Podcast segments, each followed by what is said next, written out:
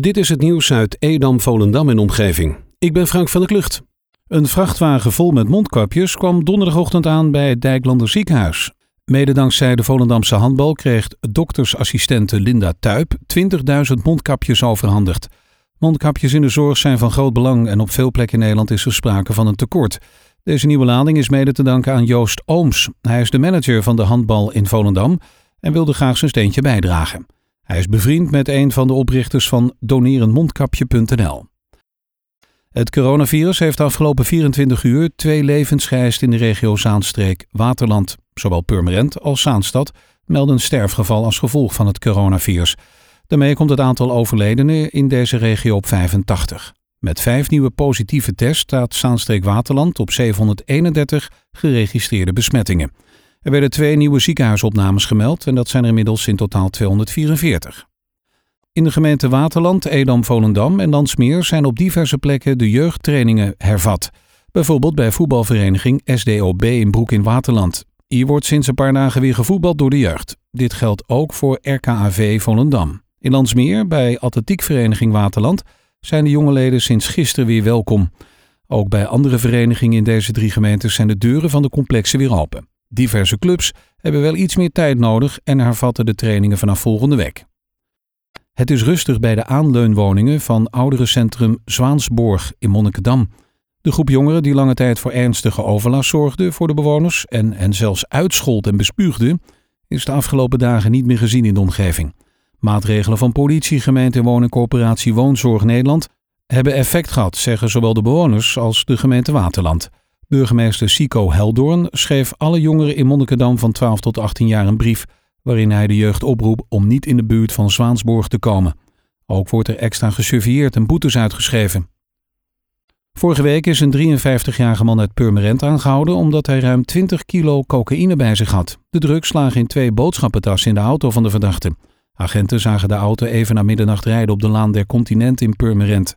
Het voertuig viel op door het rijgedrag van de bestuurder en daarop besloot de politie de auto te controleren.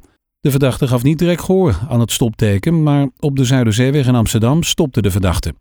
Bij controle werden deze pakketten met drugs ontdekt.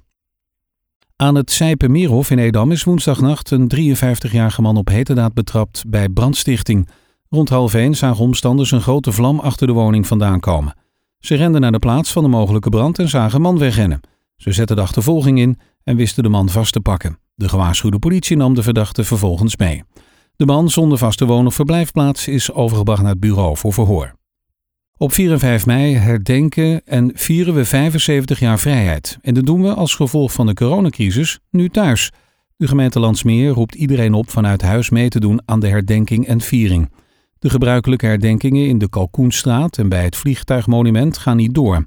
Iedereen kan op een eigen moment bloemen leggen bij de monumenten. Uiteraard met inachtneming van alle coronamaatregelen.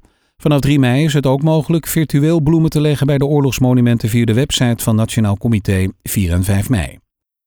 Het tunneltje in Broek in Waterland is oorspronkelijk gemaakt voor voetgangers. Later zijn er aan beide zijden hellingen aangebracht om zo ook fietsers en kinderwagens gebruik te laten maken van deze voorziening. Maar de Haakse hoeken zijn niet gemaakt voor snelle voertuigen, vandaar dat er al lang wordt gezocht naar een goede en veilige oplossing, zolang deze tunnel er nog ligt.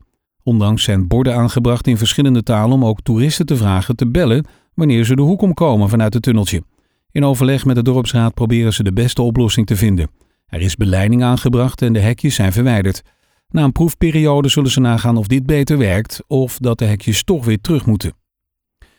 Visio Volendam pakt per direct de zorg weer op. Ze hebben voldoende persoonlijke beschermende middelen om iedereen veilig te kunnen behandelen. Gisteren kwam van het RIVM en VWS het bericht waar ze met z'n allen op zaten te wachten. Ze hebben groen licht om de fysiotherapeutische zorg behoedzaam en stapsgewijs weer op te schalen op basis van het aangepaste triage-stappenplan. Goed nieuws en een beslissing die ook echt niet nog langer uitgesteld kon worden. Tot zover het nieuws uit Edam, Volendam en omgeving. Meer lokaal nieuws vindt u op de Love Kabelkrant, onze website of in de app.